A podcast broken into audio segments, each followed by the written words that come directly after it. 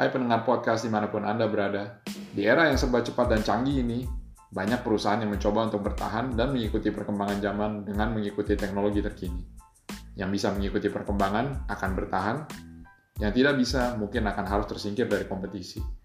Semua perusahaan berlomba untuk terus dapat menjadi yang terbaik, terbesar, tercanggih, tercepat, dan terter yang lainnya. Tapi ternyata, banyak yang menemui tantangan dalam upaya ini kita lupa bahwa canggih-canggihnya teknologi tetap dijalankan oleh manusia. Kita bicara satu sama lain, tapi tidak berkomunikasi.